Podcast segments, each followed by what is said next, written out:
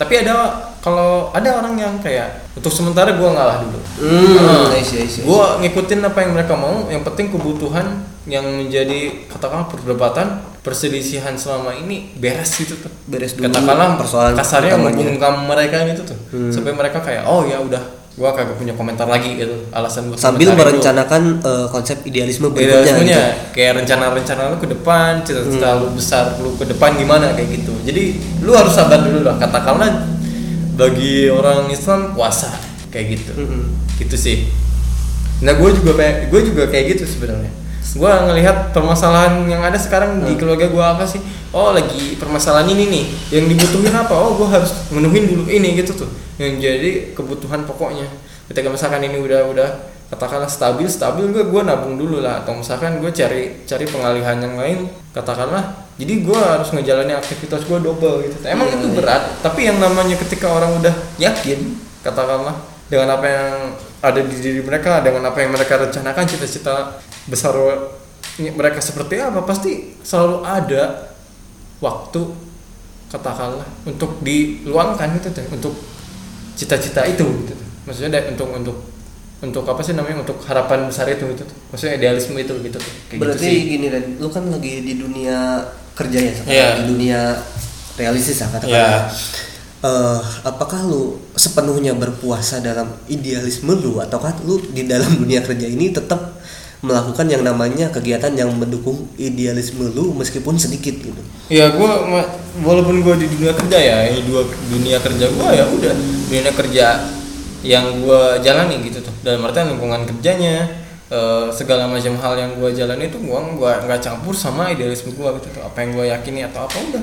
Dunia kerja ya udah gue ngebahas soal dunia kerja aja. Cuma ketika ada hal yang lang yang yang keluar dari konteks itu ya gue pasti menyuarakan dengan apa yang gue yakini kayak gitu. Cuman di di apa sih di balik itu maksudnya di di di balik itu maksudnya gue ngejalanin aktivitas kerja gue gue masih sempat katakan menye- menyempatkan waktu untuk ini sih eh, apa sih namanya ngeluangin apa yang gue ya gue gue sukai kayak gitu. Gue masih sempat eh, nulis lah walaupun gue belum sepenuhnya nulis tapi gue ngebantu buat ngeditnya kayak ngarahinnya Hmm. kayak gitu. Terus kayak pemilihan pemilihan pemilihan apa kayak gitu.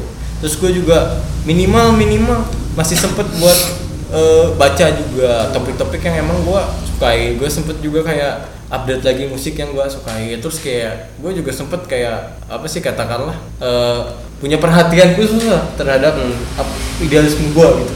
Walaupun emang gue lagi berada di realitas kerja yang emang gue jalani sehari-hari kayak gitu sih. Cuman gue nggak gue nggak mencampur adukan itu gitu tuh. Lingkungan kerja udah lingkungan kerja. Kalau ada hal yang emang bener-bener di luar itu itu tuh yang ngelanggar ya gue pasti bersuara. Tapi gue gue nggak akan ngebahas soal aktivitas gue ke mereka gitu. Tuh itu nggak ada sangkut pautnya kayak gitu. Nah, untuk eh, istilahnya melakukan hal-hal kecil idealisme di dalam Hmm. tapi dunia intinya realitas. sorry gue profesionalisme profesionalitas dengan pekerjaan yang gue lakuin. Jadi mereka juga gue juga nggak perlu nge-share apa yang gue lakuin di belakang di balik itu gitu. Kayak gitu sih intinya. Kalau lu profesionalitas ya udah nggak ada masalah gitu kan. Ya penting gue ngelakuin itu yang mereka nggak perlu tahu dan gue juga nyaman dan kerjaan gue juga beres kan kayak gitu sih intinya yang penting lu bisa ngejaga profesionalitas itu. Profesionalitas juga yang gue junjung itu juga termasuk idealisme gue kan? Kayak gitu. Contohnya? Itu sih. Nah, sebentar. Apakah eh, berat untuk menjalani eh, realistis dan idealisme ini secara berbarengan? Meskipun tentunya porsi idealismenya tidak akan sebesar ketika lu free time gitu. Iya. Tentunya gitu.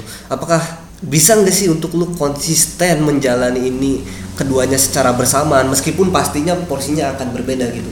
yang jelas pasti porsinya berbeda ya Eh, soal konsistensi sih ya eh, biasanya kan eh, waktunya apa sih namanya misalkan sehari bisa berapa atau misalkan seminggu bisa berapa ya jadi berkurang berkurang tapi ya tetap eh, porsinya kalah sama apa sih aktivitas yang gua jalani dalam artian pekerjaannya cuman kan setidaknya gue masih bisa ngeluangin itu walaupun nggak nggak nggak terlalu konsis konsis konsistensi. Ya nggak nggak konsisten juga sih. Cuman kayak dalam jangka waktu tertentu tetap bisa apa sih namanya Eh, katakanlah menelur- menelurkan atau mengeluarkan karya gua gitu. Maksudnya kayak tulisan atau misalkan hal-hal yang gua mau lakuin kayak gitu gitu sih. Nah, gue itu eh, pada tahun-tahun gue masih kerja itu jujur aja gue nggak sanggup banget untuk mengeluarkan sedikit pun pemikiran idealis pada saat pulang kerja gitu.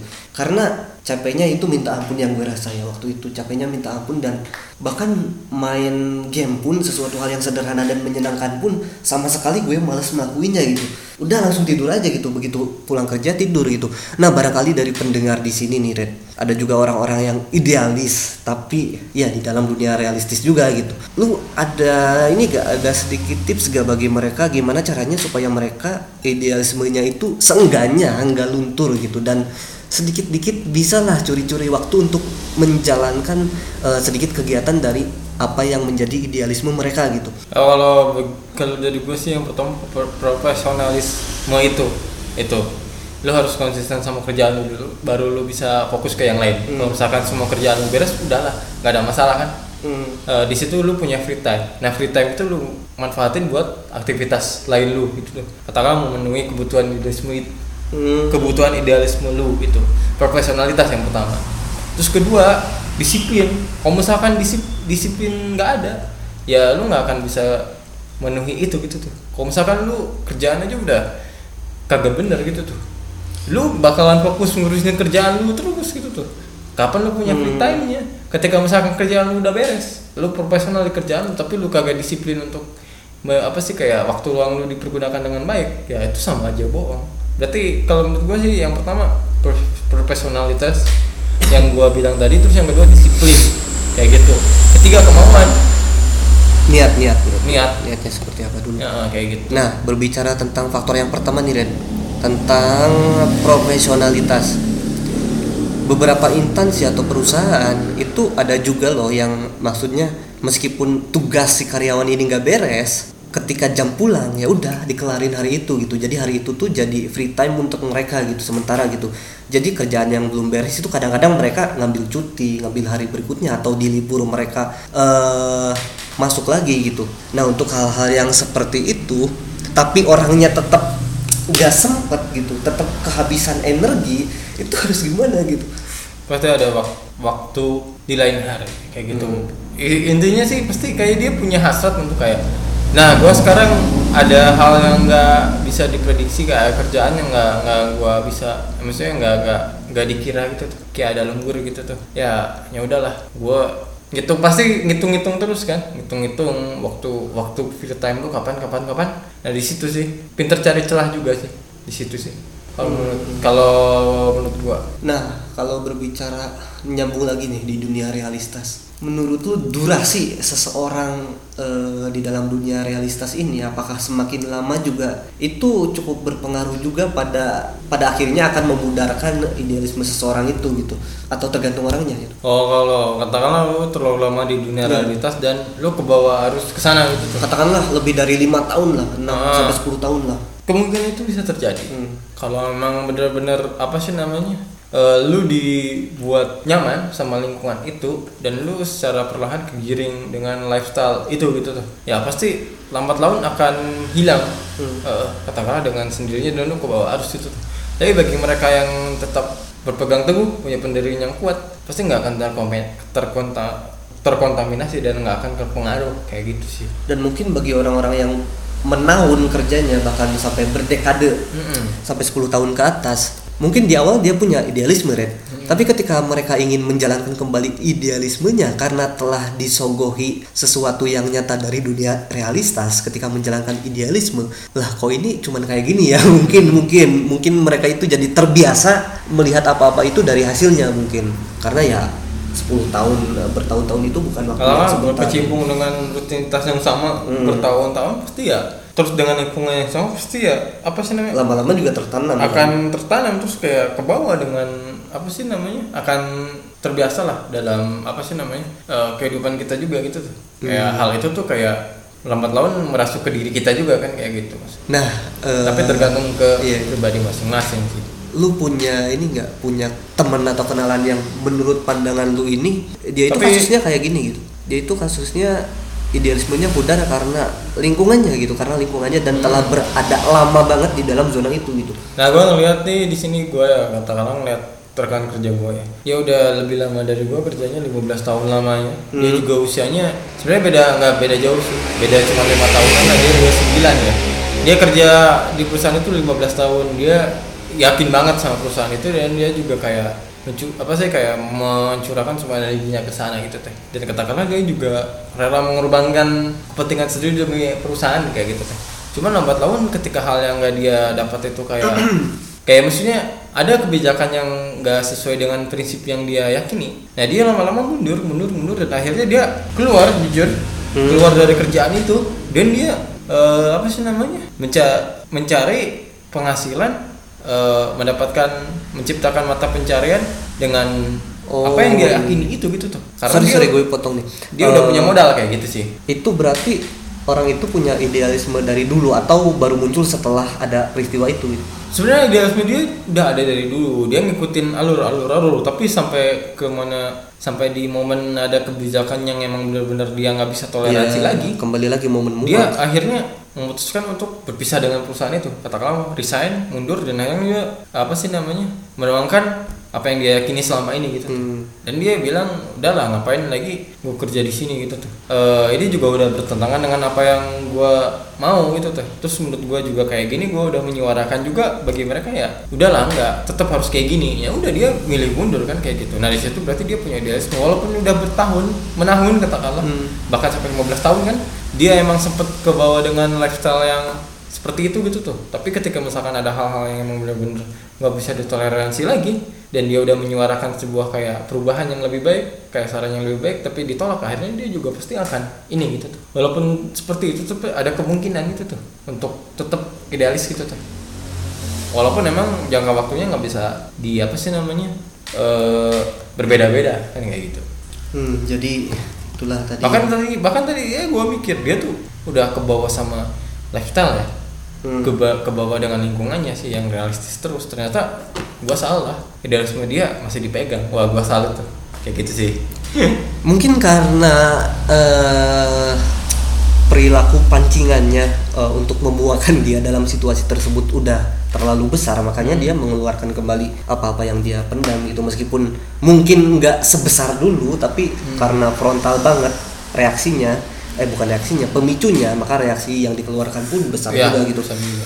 Oke, kita lanjut Red. Eh, pertanyaan berikutnya yang mana nih? Keadaan nih, keadaan lingkungan kerja lu dengan idealisme lu seperti apa gitu? Apakah ada pertentangan atau enggak di, situ? sejauh ini sih belum ada ya karena kan kerjaan Hmm. kerjaan eh, apa sih namanya idealisme gue idealisme gue dan gue juga nggak perlu maksudnya nggak nunjukin itu ke mereka ya Hmm. cuman ada dalam beberapa waktu maksudnya ketika waktu free time dan ketika ngebahas soal isu sosial yang terjadi katakanlah eh, mereka kayak menanggapinya dengan hal-hal yang katakanlah dangkal atau misalkan kayak eh, menilainya dari satu perspektif gitu tuh. Nah di situ gua beda sih, beda yang jelas. Eh, apa sih namanya? Gua mandangnya dari perspektif yang banyak, berbeda-beda juga. Terus gue juga lihat dari referensi yang berbeda juga. Terus kok gue juga nggak setuju dengan komentar mereka gitu tuh. Ya, sesekali juga kayak gua nyampein itu tuh, cuma nggak berlebihan lah. Cukup kayak tahu aja sih apa yang mereka pikirkan dan apa komentar mereka kayak gitu sih. Yang jelas itu hal kecilnya kayak gitu sih. Tapi yang jelas untuk lingkungan kerja gua nggak nggak nggak campur aduk sih soal hal itu. Paling kalau ada hal-hal yang emang ngelanggar apa sih katakanlah eh keasusilaan lah. Kayak misalkan melanggar melanggar apa yang udah ditetapkan sih kayak gitu. Kayak ada Melanggar penyelewengan penyelewengan gitu. lah gitu tata krama lah. Oke. pasti di situ gua bersuara. Dan memang harus keluar ya keluar. Kayak gitu sih. Gua nggak takut lah. Nah, eh, menurut lu nih, kan lu punya tadi udah cerita ya, punya temen yang bahkan udah 15 tahun Hmm. pun dia bisa masih bisa mempertahankan idealismenya. Lu bisa eh, ngelihat nggak apa-apa sih yang dilakukan dia sehingga dia itu bisa sehingga perbuatan itu bisa mempengaruhi dia mempertahankan idealismenya gitu. Jadi apa sih yang dia lakukan sehingga bisa bertahan si idealisme itu dengan usia yang sangat awalnya sih eh, kayak kebijakan-kebijakannya ya masih bisa diterima lah hmm, Eh, kayak masih bisa diterima dan dia juga masih bisa mentoleransi sikap-sikap apa sih namanya atasannya. Kayak seperti itulah. Cuma ketika misalkan ada di momen kayak kebijakannya berubah terus dia bersuara juga kayak nggak ada yang dengerin terus kayak pokoknya nggak bisa. Sepihak gitu tuh. Seperti itu gitu tuh. Ya udah dia akhirnya daripada dia kerja tapi dia nggak nggak menikmatinya nggak pakai hati juga. Terus kayak nggak nggak nggak semuanya dicurahkan lagi seperti dulu gitu tak ya udah kayak katakanlah hati hatinya udah dilukai ya udah dia milih keluar kayak gitu sih Nah, seperti yang telah kita lihat selama ini Red bahwa ketika kita beridealis kita itu menghadapi banyak orang realistis tentunya gitu. Ya. Menurut lu kenapa sih eh, orang-orang yang lebih dominan itu maksudnya kebanyakan orang itu lebih memilih untuk realistis gitu. Takut Pada pada faktanya lebih menurut lu lebih banyak yang mana? Idealis atau realistis?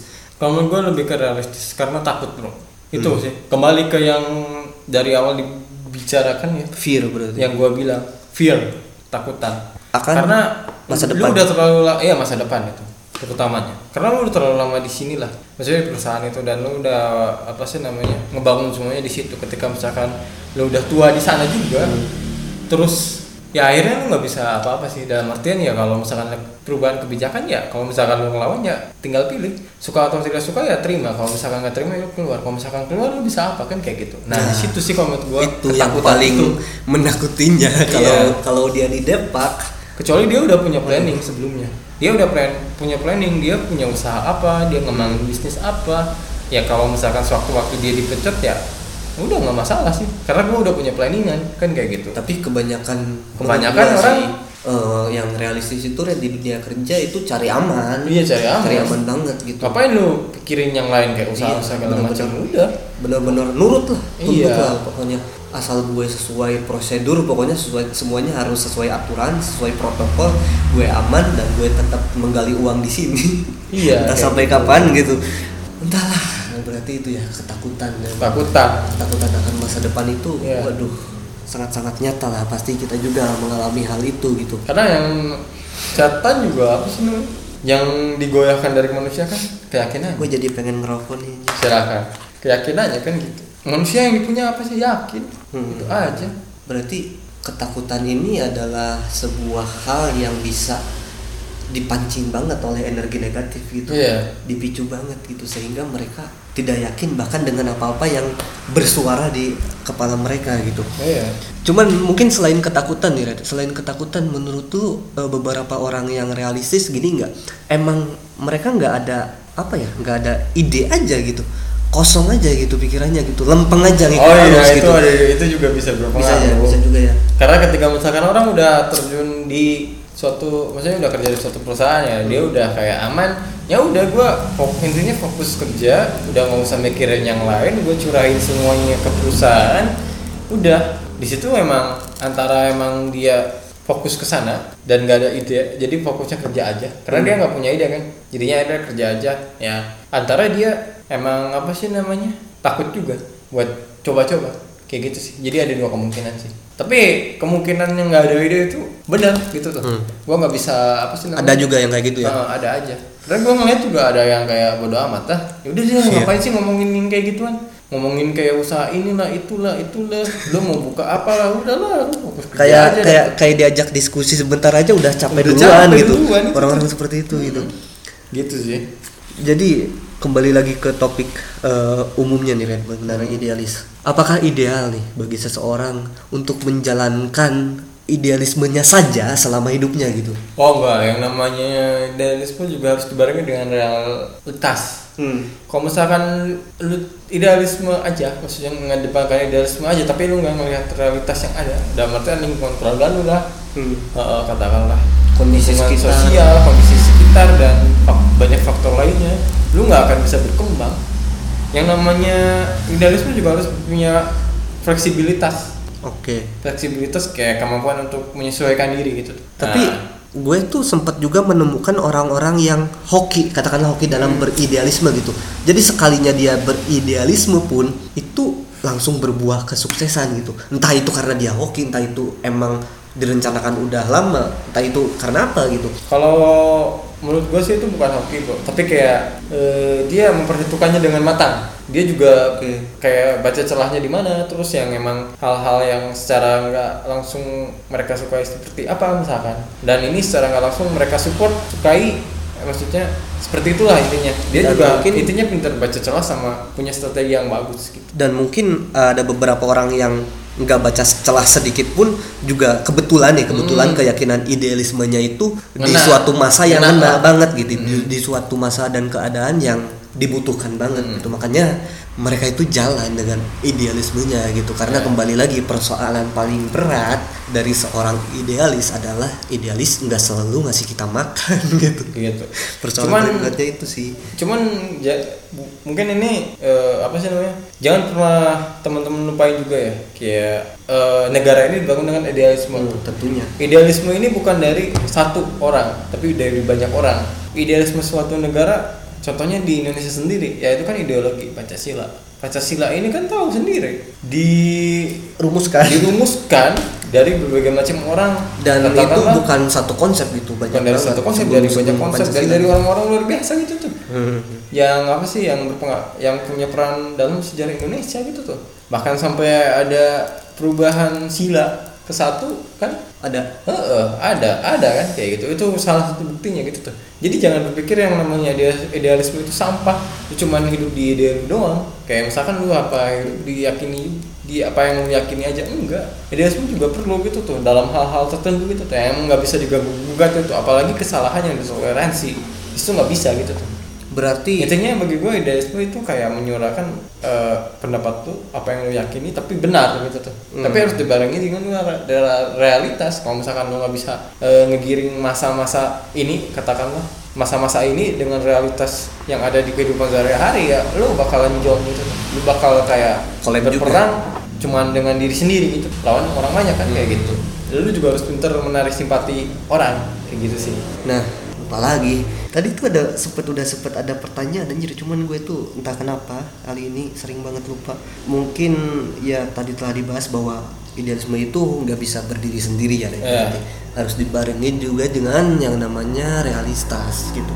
Karena ya gimana pun sekarang itu apa-apa itu ya butuh yang namanya biaya gitu bahkan untuk eh, menjalankan apa-apa yang menjadi idealisme itu sendiri Hmm. gitu bahkan gitu nah dari apa yang telah gue ungkapkan tadi nih pesan nih bagi lu ke pendengar yang sekiranya lagi di dalam zona idealisme mereka tapi mereka itu ya di zona idealisme aja gitu dan mereka itu seperti gue lah lagi tersendak-sendak dengan yang namanya ya you know lah yang namanya Ya pokoknya masalah-masalah Ya. yang ada di dalam kehidupan lu kan kayak itulah. Kalau nggak bisa diperjelas. Gimana? Pesan-pesannya? Hmm. Eh, buat teman-teman yang katakanlah eh, masih eh, apa sih namanya hidup dalam idealismenya, ya, lu harus eh, apa sih namanya menuangkan idealisme itu, da, idealisme lu itu dalam bentuk realitas. Karena idealisme yang sesungguhnya itu adalah apa sih namanya tindakan yang dituangkan maksudnya tindakan yang dilakukan itu tuh idealisme itu idealisme itu idealisme itu idealisme lu itu adalah tindakan yang dilakukan sama lu gitu tuh ide itu akhirnya turun ke sebuah tindakan. Tindakan ini ya emang outputnya yang emang lu udah tentukan kayak gitu. Intinya outputnya yang bermanfaat kayak gitu. Nah, emang terlalu banyak juga orang yang pada dasarnya Ren, di otaknya itu udah ada idealis gitu. Mungkin kalau kita dianugerahi oleh Tuhan untuk bisa membuka setiap isi kepala seseorang, mungkin banyak di antara orang-orang yang tidak kita sangka, oh dia itu ternyata idealis juga gitu. Tapi dalam idealismenya itu terdapat sedikit rasa takut gitu. Apakah peluang ini akan eh, menghasilkan atau enggak gitu? Masih masih ke arah sana gitu. Apakah celah yang ini akan benar atau enggak gitu. Jadi yang dia lakukan itu hanya analisis. Ya, yang dia analisis. lakukan itu berkutat di arah analisis tapi Ya. tidak take action sama Action, sekali ya. gitu. Nah, gimana nih untuk orang-orang seperti itu nih? Nah lu harus cari partner yang bisa ngerealisasi ini deh lu. Ketika misalkan lu nggak mau, bukan nggak mau ya, lu kayak kesulitan untuk apa sih kayak eh, menuangkan itu dalam sebuah tindakan, ya lu harus cari partner realistis bro. Kayak misalkan lu kagak bisa nuangin itu dan lu emang nggak punya capability ke sana, tapi ide lu ada di sana, ya lu harus cari partner yang bisa nuangin itu gitu tuh. Nah partnernya yang harus loyal gitu tuh. Bukan berarti ketika ide lu udah diterima, katakanlah udah diserap, udah dipahami, terus dia take action dengan orang lain kayak gitu jangan sampai kita Nah, juga itu harus bahaya. cari, harus cari orang yang punya trust juga sama kita Iya, iya. percayanya kuat Itu cukup sulit sih, Cukup cukup, sulit, sulit sih ya. untuk menemukan orang-orang eh, tipe Seperti seperti, itulah. itu. Nah, apalagi nih terakhir mungkin terakhir mungkin ya karena kita udah waduh satu jam 15 menit di sini nggak kerasa ya Red Ya, kita udah cukup lama lah. Iya. Mungkin barangkali nanti dipotong. pesan bagi pendengar tadi udah eh, tentang realitas dan hubungannya dengan idealis tadi udah apa lagi ya kali ini nah ini dia nih eh, gue tuh selalu lupa ah, selalu lupa lagi. Kadang-kadang lupa juga eh, menerapkan kesimpulan di setiap collab gue di podcast ini gitu. Jadi untuk kali ini gue nggak bakalan lupa karena ini adalah topik yang sangat menarik. Jadi kesimpulannya nih Red Eh, mengenai apa-apa yang telah kita perbincangkan tadi mengenai konsep idealisme itu sendiri seperti apa? Oke, kalau kesimpulannya dari gue ya, eh, bagi orang-orang, bagi lulu yang punya idealisme ya, tetap pertahankan eh, dan kalau kalau bisa dipertajam kayak gitu. Cuman lu jangan lupa untuk melihat keadaan sosial lu, terutama lingkungan keluarga lu lah. Eh, karena apa sih namanya itu juga berpengaruh sih kayak gitu lo nggak bisa mempertahankan bersikeras mempertahankan itu tapi keadaan apa sih keluarga lu dan keadaan- sosial lu Gak mendukung ke gak arah mendukung sana. kayak gitu ke arah sana terus satu hal yang paling penting dari semuanya eh, ketika lo punya apa yang lo yakini eh, ide-ide atau konsep-konsep katakanlah idealisme yang lo pegang teguh gitu tuh lo harus take action gitu tuh. karena kalau misalkan lo punya great idea tapi nggak Hmm. ada actionnya itu kayak omong kosong juga jong Jadi gitu nilai sih. nol juga gitu. Heeh. Nah, gue jadi inget apa yang ingin gue sampaikan tadi mengenai hal tentang take action ya. Hmm. Menurut gue itu eh, hal terbaik. Ini untuk pemahaman gue untuk sampai saat ini aja ya. Yeah. Hal terbaik untuk mencapai kesuksesan itu bukanlah dengan beranalisis lama gitu, Yeah. tapi dengan trial and error gitu. Ya. dengan uh, itu motor dan lewat dengan take action dan kemudian menganalisis errornya di mana kemudian perbaiki gitu dan itu prosesnya ya tentunya nggak sembarang orang bisa melewati itu semua gitu dan bahkan bagi sebagian kasus bisa lama banget gitu Red. Iya itu perlu perlu pengorbanan juga. Terus kayak penuh risiko lah. Pengorbanan dedikasi dan bahkan mungkin pengorbanan waktunya cukup besar dia rasa bahkan materi kan kayak gitu. Materi Ya. juga kena kan di sana. Makanya di situ perlu sebuah perhitungan yang sangat matang kan kayak gitu. Nyali oke ada tapi perhitungan juga harus matang. Jangan maju kayak orang bodoh kan kayak gitu. Hmm. gitu sih. Nah, iya sih. Cuman gini loh, Red, menurut gue sih kadang-kadang orang itu memperhitungkan, tapi perhitungannya itu terlalu apa ya spesifik detail dan eh, jelimet segala macam sampai-sampai mereka itu sama sekali tidak bertindak gitu. Nah, waduh ini udah kesimpulan masalahnya. Tapi kok ada nggak pertanyaan masalah, lagi gitu. masalah. Nah, gimana ya eh, menurut lu nih dari seberapa ini sih seberapa sampai di tahapan mana sih kita tuh harus memperhitungkan idealisme kita sampai kita lakukan gitu. Validasinya itu sampai kita yakin nih ini aman untuk dilakukan itu sampai tahapan seperti apa gitu. ya kalau misalkan idealisme yang lu sampaikan ini kan idealisme yang memang eh, akan dituangkan dalam bentuk yang konkret dalam artian eh, cita-cita yang besar kan kayak gitu. Atau mau usaha atau misalkan apa pun lah kayak gitu ya. Nah kalau idealisme yang lu pegang kan ada idealisme yang hanya sebatas eh, untuk diri kita sendiri ya. Cuman kalau yang gua eh, yang lu sampaikan kan menurut gua ini buat eh, harusnya yang langkah yang lebih besar ya, kayak gitu. Nah perhitungan ini harus ada di awal Eh, kayak gitu. Sebelum Jadi- lu take action Oke, kayak jadi- gitu. Ketika lu udah take action eh, emang lu juga harus punya harus bisa fleksibilitas nah nyesuaiin dengan keadaan yang ada katakanlah benturan yang ada terus ketika udah eh, nemu punya fleksibilitas kan lu juga harus punya apa sih namanya manajemen resiko sama apa sih namanya eh, ta- itu tadi plan lagi yang lain kayak gitu rencana kedua lah oh terakhir lu harus Masih gigih ada nih, masih ada nih. gigih percaya diri kayak gitu dengerin masukan tapi tetap eh, itu Menyaring mungkin Eh, disaring- nyaring juga, disaring gitu tuh. masukan-masukan Eh. itu itu. Mungkin ada lagi Red? cukup lah Mungkin cukup sampai segitu pembahasan kita mengenai idealisme ini seperti apa dan apa-apa yang ingin kita bahas di sini telah kita tuangkan semua di dalam bentuk podcast yang mungkin durasinya akan kita bagi menjadi beberapa part di sini. Terima kasih banyak bagi kalian semua yang telah mendengarkan episode kali ini sampai tuntas. Semoga apa-apa yang telah kita sampaikan Bisa. itu ada manfaatnya bagi kehidupan kalian tentunya dan tentunya jangan lupa untuk share ke orang-orang lain yang sekiranya membutuhkan pembahasan seperti ini di dalam kehidupan mereka yang tentunya gue yakin eh, banyak orang-orang di luar sana yang nggak sadar bahwa mereka ini toh idealis gitu Ren. Iya. bahkan mereka ini bahkan eh, tadi juga kita bahas bahwa kebanyakan orang rea- realistis pun nggak sadar sama sekali apa itu realistis gitu Iya. dan mereka pun nggak nggak tahu sama sekali mengenai konsep ideologi itu seperti apa dan lain-lain gitu jadi lu wajib banget share podcast ini ke orang lain karena ini akan sangat membantu mereka dalam ya pergulatan batin mungkin dalam Ya, idealisme mereka gitu iya. Yang jelas gue berterima kasih karena udah diundang di ruang katalis ya. Walaupun ruang katalis ngebahas soal romansa, tapi kali ini pembahasannya yang berbeda yaitu bicara soal idealis ya. Mungkin nanti idealis juga akan ada kaitannya dengan hal romansa kan kayak gitu. Cuman ya Ada, eh, pasti ada. pasti ada lah. Pasti ada. Cuman yang jelas gue berterima kasih eh, apa sih atas undangannya. Eh, buat teman-teman tetap dengerin ruang katalis ya. Eh, jangan lupa share juga kayak gitu. Itu salah satu cara mengapresiasi Hmm. eh, kita katakanlah maksudnya eh, sebagai kreator kan kayak gitu. Jangan lupa support juga kayak gitu. Follow Instagramnya ruang ruang katalis At r.katalis r, ya, jangan r guys. katalis Eh, jangan lupa share sekali lagi itu aja sih dadah terima kasih Jadi sampai jumpa di episode-episode selanjutnya yang tentunya akan membahas topik-topik yang lebih menarik lagi baik itu di hal romansa ataupun hal yang lainnya. Yang tentunya kalau bahas hal yang lain gue akan undang juga bintang tamu yang berhubungan dengan topik tersebut gitu. eh betul gue bintang tamu Yoi dong. oh iya oke amin bye bye